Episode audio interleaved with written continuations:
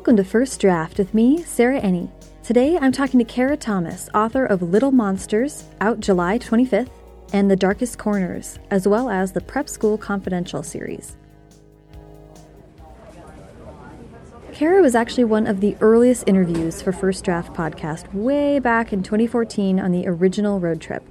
She and I have been friends for years, and I have loved seeing Kara discover the Gillian Flynn shaped niche in young adult where she's really thriving.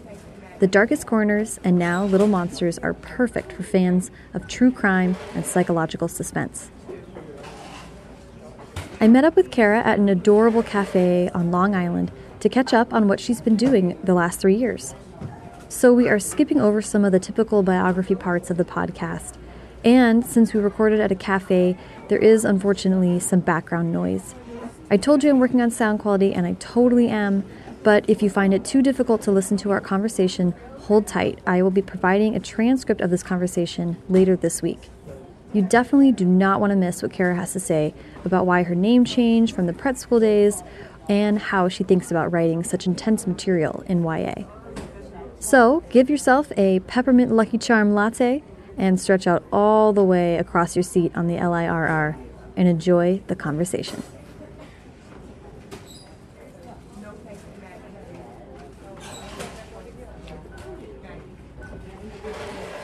All right. Hi, how are you? Good. How are you? Good.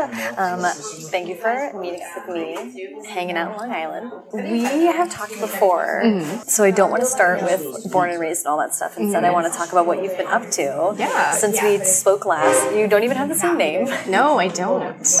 Well, you're Kara Thomas, mm-hmm. and you were Kara Taylor uh-huh. when we last spoke. Yes. when you were writing the Prep School Confidential uh-huh. books. How did the name change work with moving forward in your career, and how did you get, how do you think about that? So I've had three different names in my writing career. Kara Thomas is my married name. Um, and I published the Prep School Confidential series under the pen name Kara Taylor. Kara Taylor is a completely fake name. Like I have no attachment to it. It doesn't come from anywhere. A lot of people ask me why I use, use that as a pen name. My maiden name, my real name, was Kara Mustafa. It's a Turkish last name. Growing up, I got a lot of Mufasa, Mufasa, Mufasa jokes. But I always thought it was a pretty cool last name. My agent signed me under my real name. But when it came time to when I got the offer from St. Martin's to write Prep School Confidential, they, the editors there suggested that I write under a pen name. And I always kind of figured that it was because I had this really unique, weird last name, and I decided to just roll with it. But then years later, I found out my editor had said to somebody behind the scenes that he wanted me to use a pen name because he didn't want people to think that I was an Arab. So that was the word he used? yeah, that was the word he used. So um, to that, it, it's taken me a while to be able to tell this story without. Just with the way the industry's changed, I think we're a lot more candid about these things now, and um, that sort of casual racism shouldn't be swept under the rug.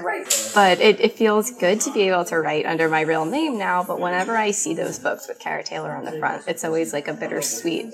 Like, what if I had stood up for myself Right. into that sort of terrible microaggression that a lot of writers are getting on a daily basis. Yes. Yes. So. Well, that's first of all insane. Mm-hmm. Um, but also, it is really very telling Mm-hmm. that it was how many years ago? That was probably like five years ago. Or Yeah. like that? So what? Yeah. So that's kind of like a marker. Like, not that I can't imagine anything like Mm-hmm. that happening now, and you know there must still be things like that happening Mm-hmm. in publishing, and it's not like um, ahead of the curve by any stretch of the imagination. But I cannot imagine. I mean, and now and now you wouldn't like sit back for that. You know what I oh, mean? Oh yeah. I mean, I was 21 at the time. Like I was finishing up college, and I was just so struck by the fact that I could be published in this career that I wanted to have for most of my life.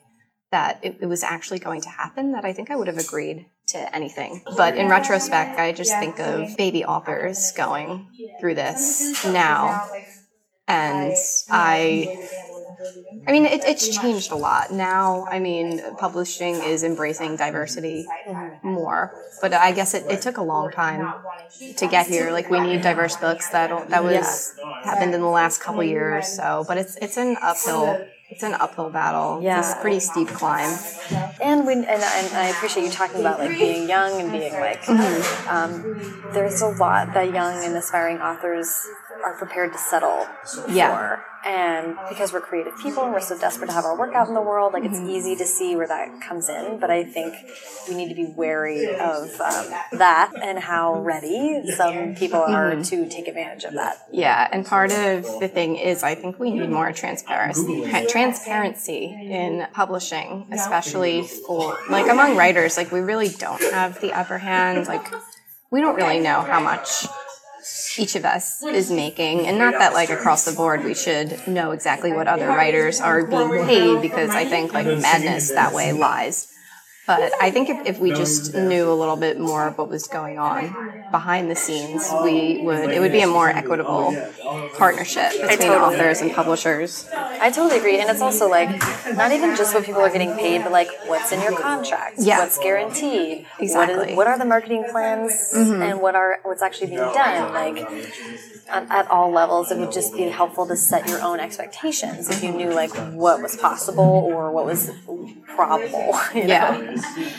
I'm with you 100. percent Well, thanks for sharing that. Uh, and now you are Kara Thomas, your real name, which is Yes. amazing. And you moved on from prep school. Yes. I really want to talk about the transition from prep school, which was also a mystery, Mm-hmm. really voicey, and when I had finished up the prep school confidential series, I didn't really know what I wanted to work on next. Like I've always loved mysteries. I couldn't really see myself writing anything other than a mystery. But um, when I finished the prep school confidential series, I was in like a really crappy period in my life. It was just a bad year all around. Um, a pilot that I'd been hired to write for Warner Brothers and the CW didn't wind up getting picked up. That was like one big career disappointment it was just like a weird transition with finishing up the series, not really knowing what I wanted to do with my life, whether I wanted to keep writing. I kind of felt like I had to go back to the drawing board with my career. It was personally a crappy year too. I mean, I lost a couple people who were close to me, so I was just in like this really dark place. And I decided just to lean into it, I guess. And that's how I got the idea for The Darkest Corners. I remember writing the proposal and sending it to my agent. And right after I sent it, I was like, this is just like way too dark for YA. And when she got back to me, she was like, yeah, just go for it. when you say you wanted to lean into the darkness and that's where you got the idea, like Uh-huh. what do you mean? How are you leaning in and where did the idea come from and what were you like what were you filling your creative well with at that time? I was really just I didn't really like set out to write a depressed character, but coming off of the Prep School Confidential series where the main character in those books is like overwhelmingly positive. She's like the anti Blair Waldorf of the rich girls. Like she's very aware of her privilege and she is always just trying to do the right thing. She's got a spirit that's hard to break. So I kind of did a 180 and I wanted to write about a character who starts off the book with her spirit like totally broken, kind of like where I was at. The Darkest Corners really started with the character. She had this really traumatic childhood and she's um, contending with this role and this crime and how she feels that maybe she sent the wrong person to prison for this horrific string of murders. And I kind of arrived there because, like, while I was in this dark place, I was just watching all sorts of dark shit, like the Paradise Lost documentaries about the uh, West Memphis 3. I was watching a lot of Disappeared on Netflix about missing people. I haven't even seen that. Yeah, it's it's my favorite show, and it's just I think I'm drawn to missing persons cases, especially because there's no resolution. It's really haunting. There's just especially in these cases where these people just they disappear without a trace. There's no They don't leave anything behind. I fell completely down the rabbit hole that year, and I just knew that I wanted to like kind of let my imagination run wild and come up with a story that had a resolution that when you start the book out it's this case that seems like colder than ice and as it goes on the main character just starts peeling back all the different layers of these mysteries and then from there it kind of got like out of control. I'm like all right there's going to be basement babies and truck stop killers. And i never thought that publishing would be receptive to it. It was just something i needed to write for myself. So i was really surprised. I think it's nuts to think that teens aren't into this kind of thing. oh yeah. And actually, I think I read an interview with you where you were talking about like when you started writing it, you weren't ready for like serial and like I mean like Yeah. true crime has kind of come back in this really Mm-hmm. interesting way. It was weird because like while I was writing this and after it sold, like the genre just completely exploded in this awesome way. Like there was of course Serial, there was the Jinx. Now we have the Keepers on Netflix and stuff. There, there's like my favorite murder Yeah. podcasts and uh, uh, there's Sword a bunch of murder podcasts. Yeah, sword and scale. Yeah, there's so many murder podcasts. um, and like just recently, I watched that Mommy Dead and Dearest. I really like how you're talking about you were drawn to stuff that doesn't have a resolution, Mm. like mysteries that are are still sort of. They're like they're, like a lot they're of active and inactive at the same time. Like they're not they're not solved, but nobody's really like. It seems that people have forgotten about them. They've like disappeared to like the depths of like the Reddit unresolved. Right, right. I would love to hear you talk about how, as a mystery writer, you wrote three mysteries which are like intricately plotted, like like, and they have a resolution, right? Like you come to this to this mm-hmm. some kind of ending or some, you know, the Scooby Doo mask off, Yeah. whatever thing. But you then were drawn to these other kinds of mysteries that might not be so satisfying. Mm-hmm. I always, and this is like something that started with The Darkest Corners. I was really like when I wrote the original proposal, I was kind of like, all right, this this original ending, it kind of has like a neat little bow. I mean, it's not like a happily ever after for the main character. She's not riding off into the sunset, but I mean, she she has all the answers to the questions that she had at the beginning of the book. And it it felt a little just too easy to me. And I mean, life isn't that easy, and especially mysteries like even when you hear about these cold cases being solved after all these years, half the time you still don't know why it happened. Like people take these secrets to the grave. So I just I was thinking along those terms and what I wanted to just add another layer to the story. So without spoilers, but at the end of the darkest corners, the last page, it doesn't really flip everything on its head because I hate thrillers that do that. It's like, oh, it was a dream, Right, or right. or the main character was the murderer the whole time and just lied. Or the like, spoiler alert, usual suspects thing. and you're yeah, it's oh, like then why the hell did I just read all this? Yeah. I wanted to open up the possibility that the main character hadn't completely solved it, that there was something still out there, like another mm-hmm. story oh, untold. Yeah. So, and I think my fascination with those sort of endings that are not necessarily completely ambiguous. A lot of people say that like I have ambiguous endings. I don't know if that's entirely accurate. I think it's more like open, where there's things that aren't resolved, and I always just want it to be thought provoking. People ask me a lot if there's going to be a sequel to The Darkest Corners. It's like, of course, there's not going to be a sequel. There's no, there's no story left to tell. Like that dangling thread is for the reader to fill in the blanks. It's what I do a lot when I hear about these cold cases and stuff. You start to imagine an ending or a resolution. There was an interview that you gave where you said that writing about the worst things that can happen to a person is how you deal with fear. Yeah. That quote really stood out to me because, like you said, it was starting from a, a really tough spot in your own life. Mm-hmm. And I, since we are friends and I know you uh-huh. personally, I also know that you've had like to look some really difficult stuff in the face. Mm-hmm. You're, you have a s an illness. Your uh-huh. husband had an illness. You like you like Yeah. have, have had tough stuff. Over over the course of one summer when I started writing, I was diagnosed with Crohn's disease. I was really really sick. I'd been sick for a year. I'd seen so many different doctors, and finally I was hospitalized. And like I saw Dr. House, and I had finally gotten diagnosed. Like I was getting treated. I was starting to have like a normal life again, and I started writing. And then a couple weeks later, my boyfriend at the time, now husband, was diagnosed with cancer. And it was just like the year from hell in the fact that we, we were both really sick. We were both flailing. But somehow we emerged from that year unscathed. But I don't think I would have started writing if it weren't for that like really, really, really shitty period in my life because I wrote as sort of an escapism. Well, not sort of, it was definitely escapism. And it's weird because my first book was like this happy comedy about these guys in a band. And it was just, it was so different from where I wound up, obviously. But I was just trying to escape and Yeah. live in like the, this world where everything was going right and like comedy reigned. And it was just, a, it was a way of dealing with the crap that was like coming our way that year. Yeah.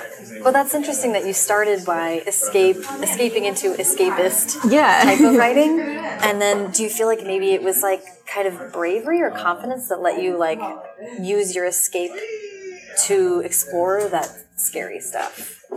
I definitely think it was um, confidence because The Darkest Corners is the book I never really thought I would have not the skills to write, but when I started out writing mysteries, I always thought that I was kind of going to be like pigeonholed into like the Nancy Drew, Janet Evanovich type, where I was writing humorous mysteries because I mean, I started out with comedy that was always like my genre. I mean, I thought I wanted to write like comedies for TV. I did write that pilot that didn't get picked up. That was a comedy. So it was a really abrupt turn into the different direction. I just thought I'm going to try this out and see if it works.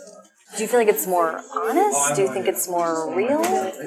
Yeah, definitely. I mean, even when I was writing the prep school, like those, those books have some darkness. Like there's there's a lot of there's a high body count in those books. Yeah. But they they're escapism. It's, it's sort of aspirational with the main character at this fancy boarding school and two guys like her and she's like saving the day. And that stuff it doesn't really happen.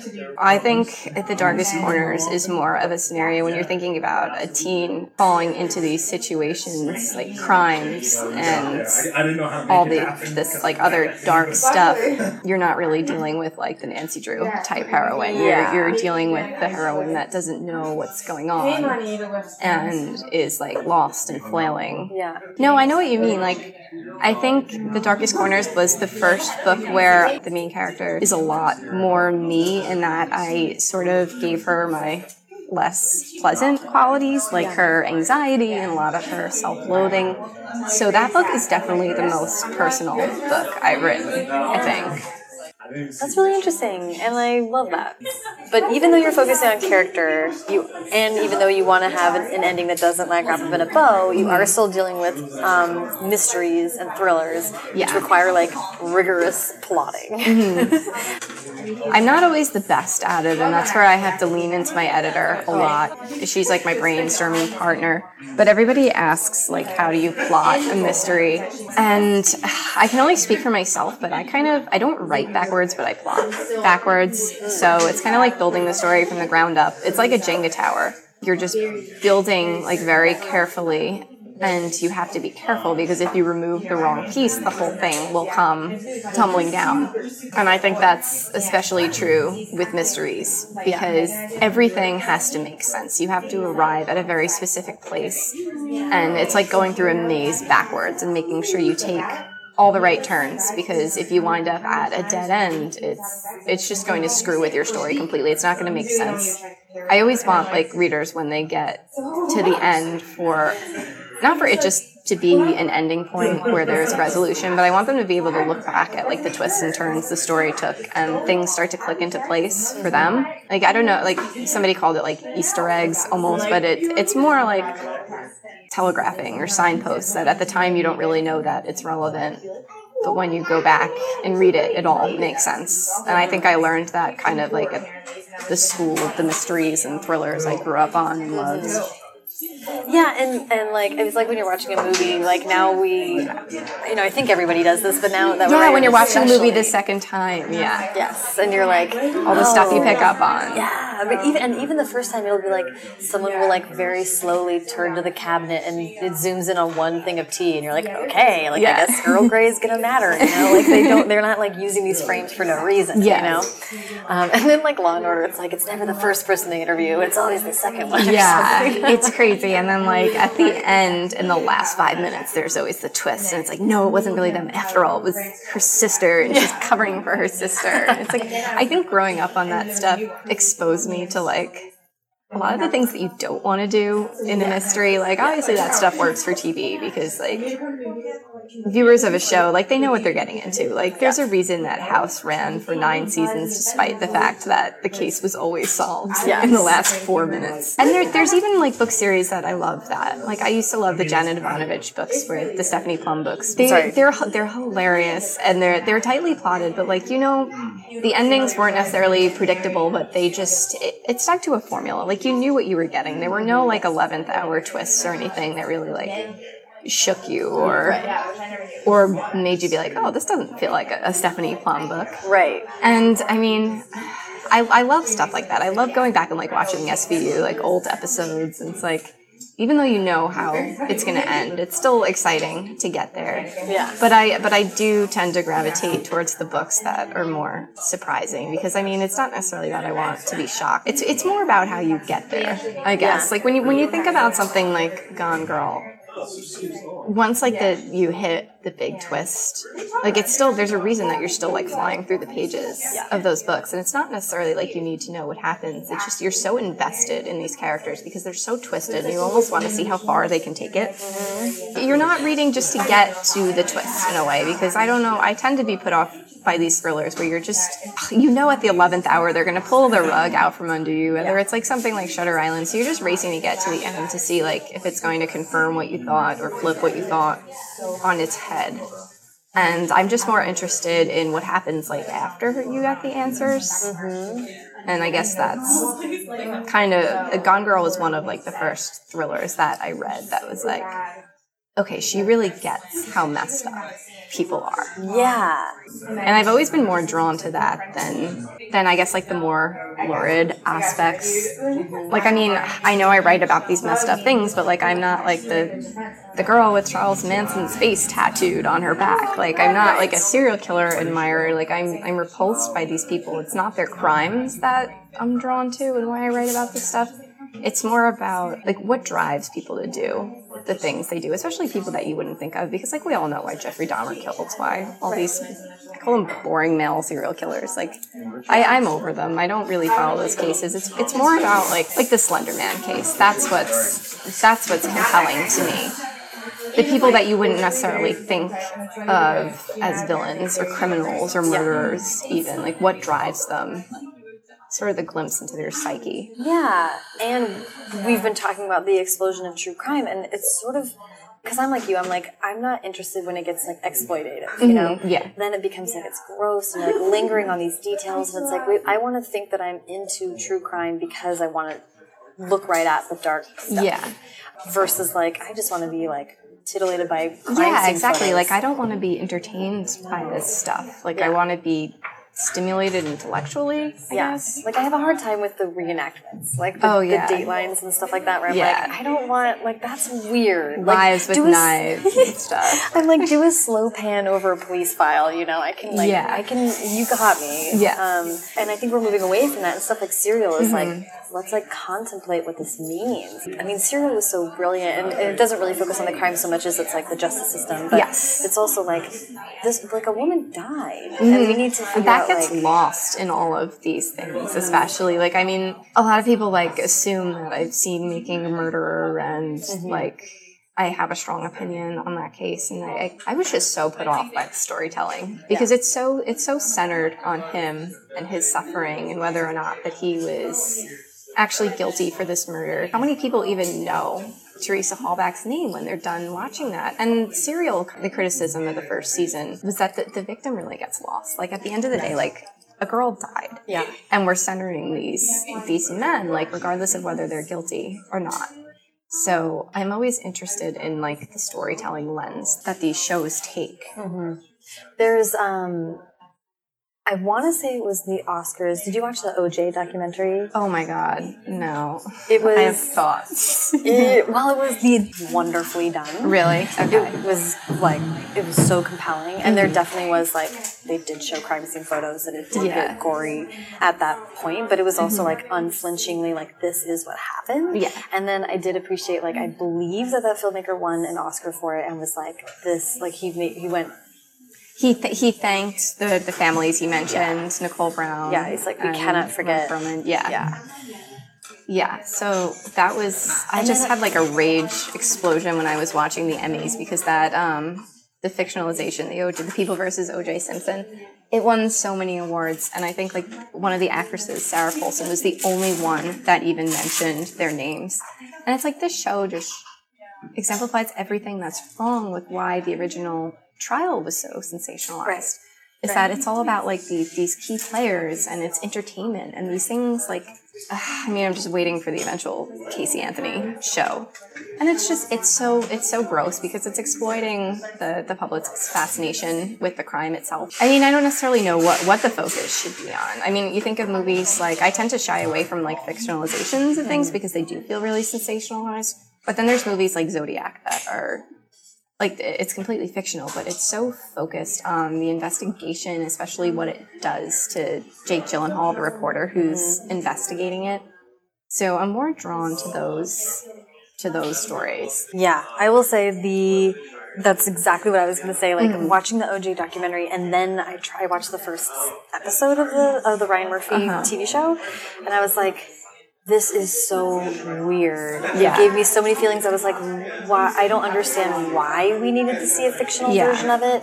I don't know what I'm supposed to be feeling or mm-hmm. how, like it was very confusing.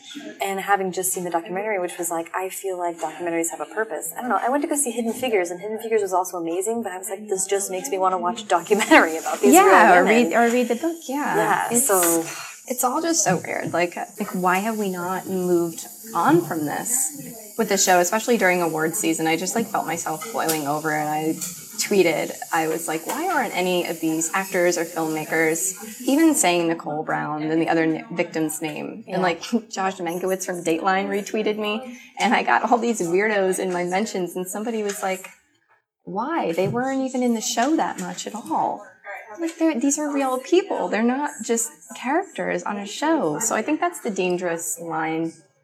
I don't like when people call those adaptations true crime. That doesn't fit into the true crime genre. Like mm-hmm. that's that's a fictionalization of a real historical event and it feels exploitive in the way that like some of these movies about like terrorist attacks and natural disasters feel. Yeah. It's like I, I just don't know why we need to watch them if we already lived through them. Like maybe many years later when we're trying to teach like the next generations about them who didn't right. live through them.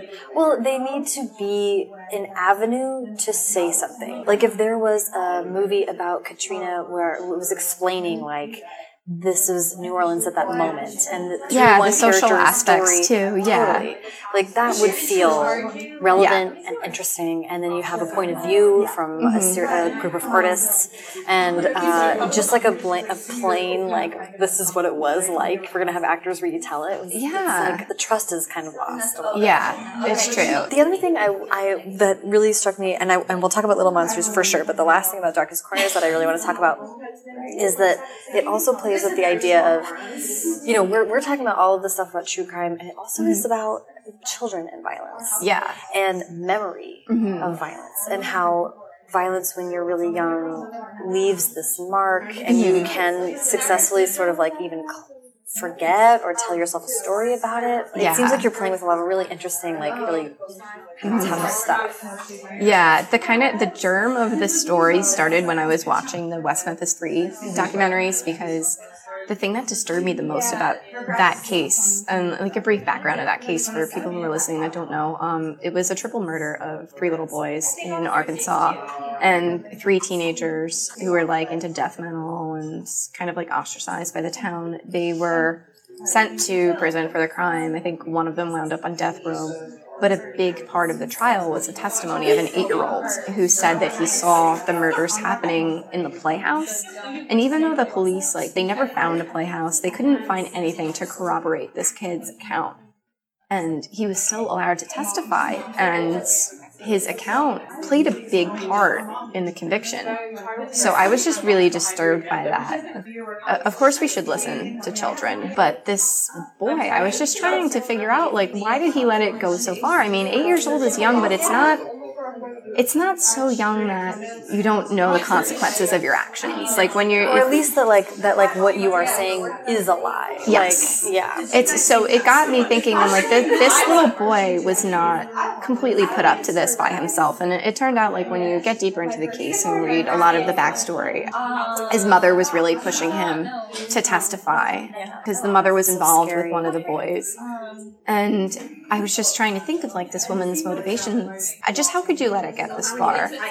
And that was kind of the seed of the idea for what um, I wanted the darkest corners to explore. This idea of like your memory betraying you, or parents betraying their kids by using them as a tool for their own agenda and that's that's where I came up with Tessa because I mean Tessa says very early on in the book it's not really a spoiler but she did lie about what she saw the night her babysitter was abducted and she has these very complex reasons for lying. She thinks that she was doing the right thing at the time, but it just kind of snowballs. And it's about like the the butterfly effect, that one little thing that you can do that has implications for years to come. I mean, when she goes back to this town and, and her childhood friend is murdered, she feels responsible because if she hadn't lied all those years ago, maybe the right person would be in prison. It reminds me of that book, Heaven is Real. Have you heard about Yeah.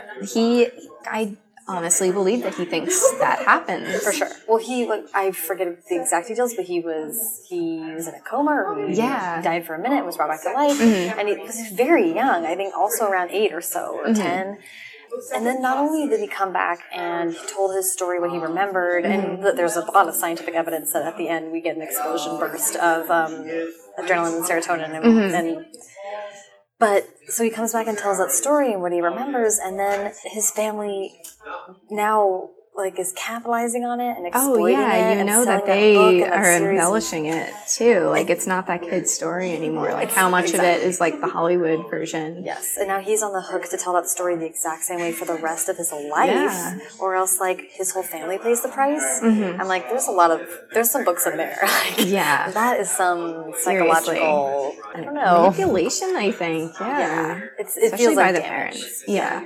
Okay, let's talk about Little Monsters. So you, so the Darkest Corners, you you write, you take this kind of step into like more realistic, darker um, Mm-hmm. mystery thrillers, and it kind of works out. So how did you think about that? Did you know you wanted to continue doing that? Yeah, I um with the darkest corners, I felt like I kind of like hit a vein for me, and I had gone through this like dry period when I was writing the prep school books, and then like darkest corners kind of came out of nowhere, and after that, like I started having more ideas than I knew what to do with. So I kind of like took bits and pieces, and that book eventually became Little Monsters. And I mean, I know that sounds really easy, but like the first draft I wrote of Little Monsters was something completely different from when it where it wound up and what the, the current iteration is. Wait, Um, that doesn't sound easy. Trying, trying to take like dozens of ideas and put them in one book. I mean, how Uh-huh. did you? Were you just writing little bursts, or were you? Well, I, I was like inspired by a bunch of different things that I had either been seeing in the news and stuff, like the Slender Man stabbing had just happened. Do you want to like explain that really quick, just because that's such a compelling Yeah. story? So these uh, Slender Man is this like fictional. I still can't wrap my head around it completely. Yeah, by the I've way, read so by the much way, I just it. compelling story, and that's awful. Like it's a real event that happened. Yeah, it is. That's another thing where it feels like it's become a bit exploitative because everybody's obsessed with this idea of Slenderman and they're not really talking about the real, you're bearing the lead here. The real thing is that two 12 year old girls stabbed their friend and tried to kill her. So I wasn't like necessarily um, fascinated by Slenderman as much with the actual crime, but I mean, Slenderman is this fictional meme guy that is like almost like a Bloody Mary type Yeah. thing. Like and purposefully people- created by the internet. Yes, to scare the shit out of people, and they write these fictional stories. And these two girls were so obsessed with Slenderman that they thought if they killed their friend, they would get to go live in Slenderman's mansion. And it's just, it's whack. It's absolutely crazy. But I was really like struck by these girls, and a part of me was like, are, are they faking it? It was this just like a, an excuse to like do something horrible to a friend they didn't like? So I was just like stuck on that psychological aspect, I guess. Mm-hmm. And even though the book turned out to be like nothing like Slenderman at all, the seed of the idea was this idea of like really young girls as just that mindset. Like, I mean, I, I had a lot of girlfriends growing up and there were some like looking back, I'm like, wait, was she a psychopath? Like I never saw her cry.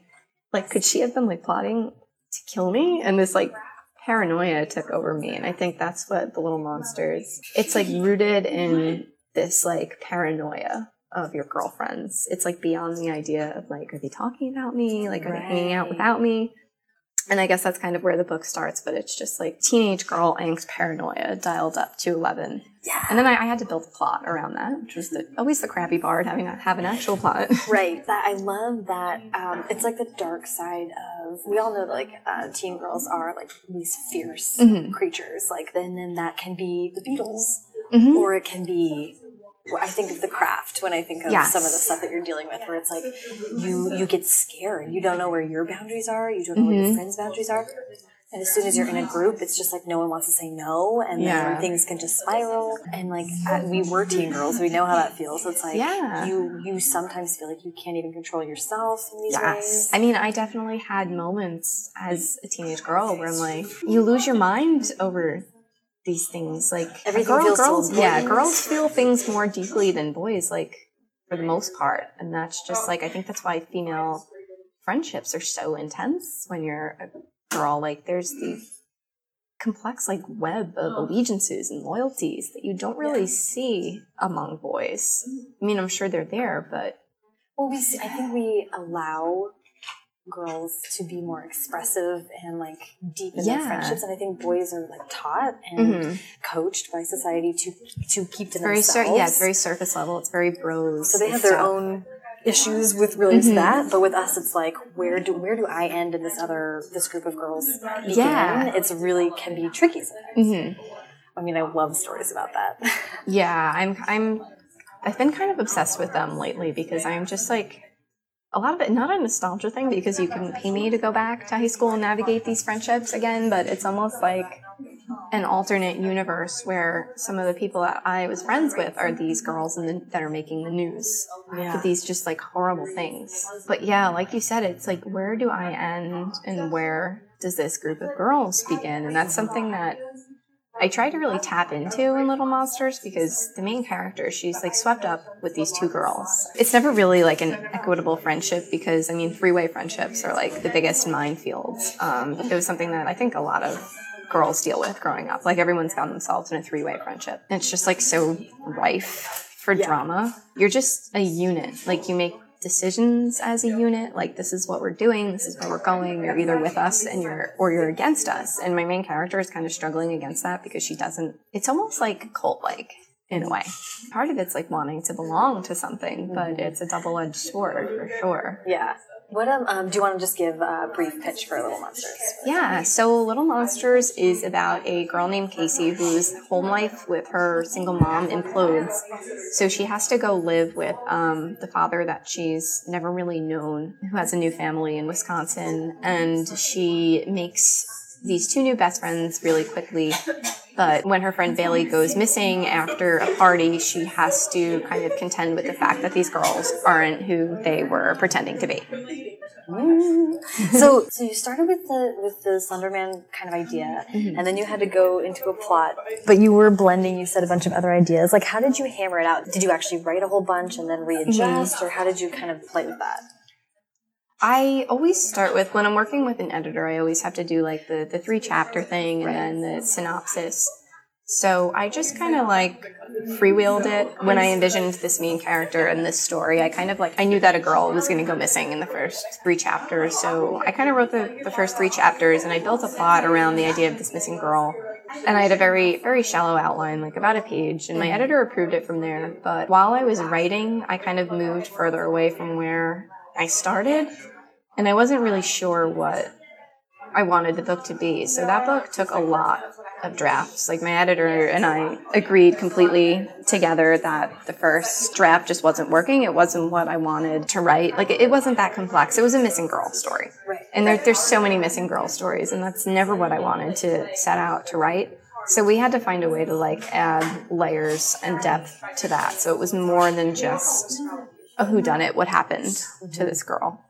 So we experimented with a lot of different things. Like my editor's first note was like, is, is there a different way this story can be told? Like, can we get another point of view in there? So um, the point of view of the missing girl from a year before the events of the story, a year before she goes missing, there's clips, excerpts from um, her journal, kind of like a glimpse into her psyche. And it's just really interesting to see how that book evolves because it's just so different from where it started out. And it was definitely like my discovery book, I think. Like I didn't set out knowing what the story was. I was kind of just like flailing and writing and hoping that something would emerge and it definitely did. And I wouldn't recommend writing a book like that, but it's just like where I was at the time. It seems like like you started with a character for Darkest Corners, mm-hmm. and then with this one, you almost started with like theme. Yeah, definitely. And I think that was part of the problem that I think my biggest note that my editor had, and that something that was bothering me throughout the first and even the second draft, was that I didn't really know the main character. I didn't like know what made her tick. She was kind of just like a vehicle for this other character, this her friend Bailey who went missing. Like I had a better grip on Bailey than I had on Casey, who's the main character. That was the biggest challenge. Um, Main characters really, really suck. Yeah, I they're, a they're really the, hard they're the toughest nut to crack. They really are. Um, which is crazy. But yeah, you think you because I mean like you don't have you can't have a book without a main character, but um, sometimes they just come to you and they speak to you, and then other times it's like you have to like go out and find them. How did you? So I, I was super interested with the, with playing with format and having like, Mm-hmm. flashbacks and, and diary entries with a mystery that's tricky because you are trying to keep it really taut and like what does the audience know and when do they know it Uh-huh. that kind of stuff. So how did playing with format? How did you think about that? I knew that I wanted the purpose of the journal entries. It wasn't supposed to be a piece for the reader to be one step ahead of the mm-hmm. main character. They weren't supposed to use the, the journal entries from Bailey to solve the mystery. It was more like a progression of what Bailey is building to because when she goes missing, she's in a very specific state of mind, not a great state of mind. So the journal entries were just like tracing her journey to this boiling point of who she was when she went missing because when she starts the book out and we see who she was a year ago, it's very different from the girl that that Casey thought she knew. It was interesting. It was really cool writing from her point of view because it was a little bit since it, it was a different format than first person narration i was a little bit less inhibited Yeah. i guess like i just put myself in the mindset of my crazy lunatic ramblings in my own journal as a high schooler Yes. Oh my god. yeah in bailey's first journal entry she starts it out with like if anybody finds this journal i'm so fucked because of how like embarrassing the stuff in it is Um, that's so. That's really interesting. I love that you that your struggle with that book, or your like the driving factor of it was like, what is this book? Like, Yeah. what am I trying to say with it? everybody has that one book that almost puts them in a grave and that was that was my book Oh, the other thing that um, is noteworthy, I, I, that there's no romance in it. Yeah, that it's really about the teenage girls. yeah i not having a romance in the darkest corners was a really conscious decision i mean i had just come off of writing a series with like a love triangle in it and i was like ugh i'm not doing that for a while i mean i, lo- I love love triangles i think they, they have a place it was less conscious in Little Monsters. The first draft of Little Monsters had a romance in it. It tied into the plot in a, in a big way, but when my editor and I decided to just completely change the book and start from scratch, the romance just didn't fit anymore. And when I was writing it from scratch, I was just like, you know what? I don't really feel like writing a romance. I'm not going to shoehorn one in. And my next book, my 2018 book, I was thinking like maybe there should be some sort of like hint of romance, just like to be more of like a romantic type thriller, like emotional intensity. Mm-hmm. And it wound up ending in murder, of course. so I don't know if the romance is going to stay in that book. Interesting. But I think what it boils down to is just like I'm not very good at writing romance. I like read I like reading it, but if it's not a driving factor, yeah, if I can't tie it into the mayhem or something, like love interest isn't secretly like a murderer, then it's just not as interesting to me as the other Right. things that I'm trying to fit into the story. I think it's one of those books where maybe the less you know about it going in, the better. that's kind of my my struggle in coming up with questions. Yeah. with questions for you is I'm like I really don't want you to spoil Yeah. anything. I would love if you, to whatever extent you can, talk about it. The uh, I, I was in my notes calling it cheerleader murder book. Yeah, it is definitely cheerleader murder book. Um, the working title is actually The Cheerleaders. I hope I can keep it. It's it's very simple and stark. This book is. I know you're not supposed to have favorite books, but this book is already my favorite. It's about this town where five years ago, um, five girls from the cheerleading team died within a month in separate either accidents. There was um, a double murder and a suicide, and this town has been haunted by these deaths for years. And five years later, the sister of the last cheerleader to die is kind of drawn back into it when she finds her dead sister's cell phone and a mysterious note in her stepfather, who is the sheriff, um, his drawer. And it leads her to believe that maybe the deaths were connected and that the ones that were deemed an accident wasn't necessarily an accident. So, as the anniversary of the fifth anniversary is approaching, she is trying to get to the bottom of what really happened. I like it. When you say cheerleader and murder in the same sentence, I think of the Texas cheerleading mom. Oh God, that case is so bonkers. Yeah, the, Yeah. the- I, I think for anyone who isn't familiar, I believe the story is there was a young woman trying to get on the cheerleading squad of her school Yeah, in Texas, and where crazy mom. cheerleading is not a joke, and the mom Tried to get either the one of the girls on the team killed. yeah tried to hire a hitman to kill a Yeah. girl on the team. Yeah, there's to free out the spot. Yeah, And that's crazy. So that's what I think of. But this that's my way of asking: Was there a particular case that was in mind when you were thinking about this? Um, So I got the idea for this story. I read an article in, I think it was originally published in Spin magazine, but it was about this town in upstate New York called Dryden. And death was like sort of haunting this town for a while. Like every year, at least two people were killed in really horrible ways. These two girls were murdered by a neighbor. There was a drunk driving accident. One of the cheerleaders, like deranged ex-boyfriend, tried to kill her and her father was killed when he tried to intervene. And it was just a really, really fascinating story, like tracing like the past two decades in this town and what it did to people in that town, like how they'd sort of become marked as the death town.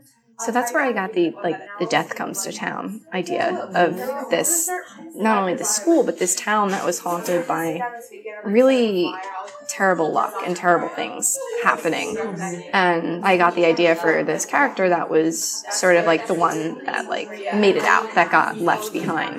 it feels like a very Stephen Kingian kind of thing. This this is my first book that kind of has a little bit of a horror feel to it, like not not a slasher, but it's less of like a procedural investigative, like where the main character is trying to solve a very specific problem or case.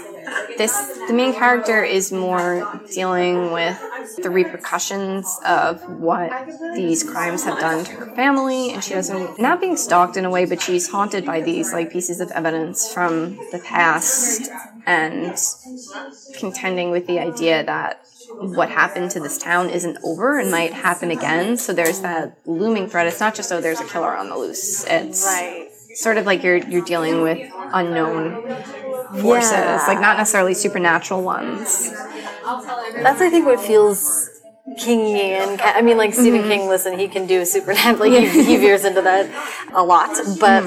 um, but it was but it's also like he you know that kind of anything is possible Mm-hmm. and it feels like the surroundings are as much of a character or yeah have as that's much what of a story I to tell love about his books the way that the the people aren't the only characters Yeah. in the book yeah like i mean he can make a car or a dog into a character but true. and and that they are sort of is catalyst the right word for like for like this like dread? You Yeah. know like for, for an ambient feeling that can also move plot and Yeah. inspire characters and um, but it's hard to sort of it's like you have to it's hard to pull off. Yeah, Yeah. because i mean something has to be happening. But so it was it's been a challenging book to write because it's different and it also takes place in two time periods. There's um you get the main character's sister's point of view from five years ago in third person past tense and that's something i've never written before so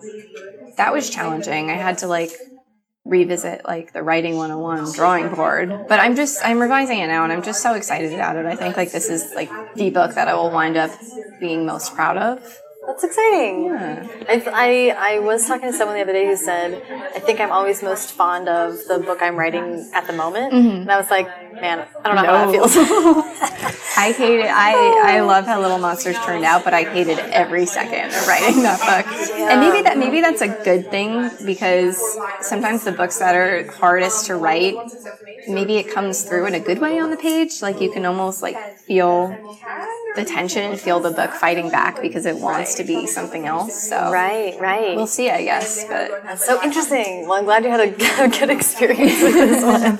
I like that you are staying within kind of a genre, like that's Mm-hmm. it's interesting to you, but you're also finding like really different ways to explore it, like the journal entries and jumping back and forth in time. I love that shit. That's so great. Uh-huh. yeah, I feel like I'm finally at a point in my career where I like I know where I fit in. Like I know what I want to write. I'm not worried about trends anymore. Like for a while I had this anxiety like, oh, I don't know if YA mysteries are really like viable in the long term, but I found my niche and I don't know if there's always going to be a market for it, but it's nice to just let go and not try to write something because you you're anticipating it'll be like the next big thing. Yeah, yeah. So the we wrap with advice. I'd love to hear your, especially given like between um, our conversations, like what have you learned in the recent? I mean, it's been like two or three years, so recent past. Um, like advice that's helped you more recently. I think that the thing that I've learned that I would definitely tell to not not just pre-published writers, but writers who are publishing for the first time. There's this overemphasis on community, making connections and networking. And nothing can substitute for just writing a lot and becoming a better writer and honing your craft. All that other stuff, like going to conferences and meeting other writers and getting referrals to agents and stuff, like that'll come organically. I think there's a lot of focus that people are thinking that you have to be well connected and you have to go to all these things. And if you don't get as a published writer, if you don't get invited to events and stuff, you're a failure. And what one thing I definitely learned as somebody who got to go to a lot of events over the last year that I didn't get invited to my first um, three books, it's that you might miss the days where you don't get invited to things because they're. It's great to meet readers, but a lot of these conferences, you leave feeling really drained and it's just you forget why you're doing it. You forget that it's about the books and you forget that it's about the writing. And some of them it's great because you actually get to meet readers and teen readers who remind you why you're doing it. Mm-hmm. But it's really easy to get sucked into like the networking part and feeling crappy because blah blah blah big author like didn't even bother to ask your name. Like I've been that person like dozens of times. And it'll really put you off to the industry.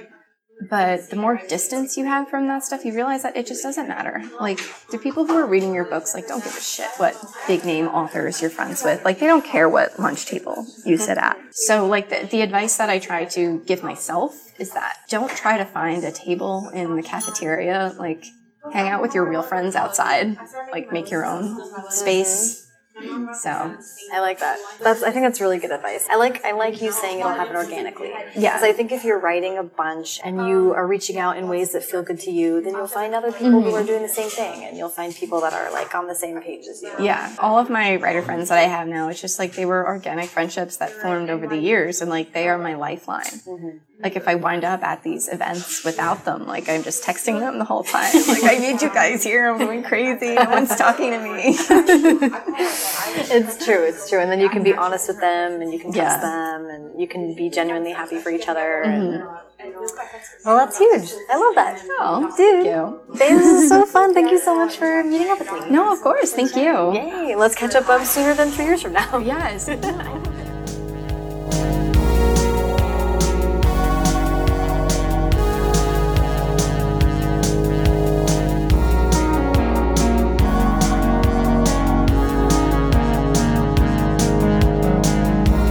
Thank you so much to Kara. Follow her on Twitter at Kara T Writes and follow me at Sarah Enni and the show at First Draft Pod. First Draft is on Instagram and Facebook too, but for links to everything Kara and I talked about, as well as my favorite quotes from this and every episode, and the link to sign up to the First Draft newsletter, visit firstdraftpod.com. Also, thanks to everyone who picked up a copy of Because You Love to Hate Me, the anthology of villainous tales that I contributed a short story to. It hit number six on the New York Times bestseller list, which has me over the moon. It's a really wonderful collection featuring such first draft alums as Renee Ahdieh, Nicola Yoon, Victoria Schwab, Adam Silvera, and more. So if you haven't checked it out yet, click on the link in the show notes and do yourself a favor. If you like what you heard today, please do leave a rating and or review on iTunes. Every 5-star review adds to my airtight alibi. Thanks so much to Hash Brown for the theme song and to Colin Keith and Maureen Gu for the logos. Thanks to super intern Carter Elwood and transcriptionist at large Julie Anderson. And as ever, thanks to you, armchair detectives, for listening.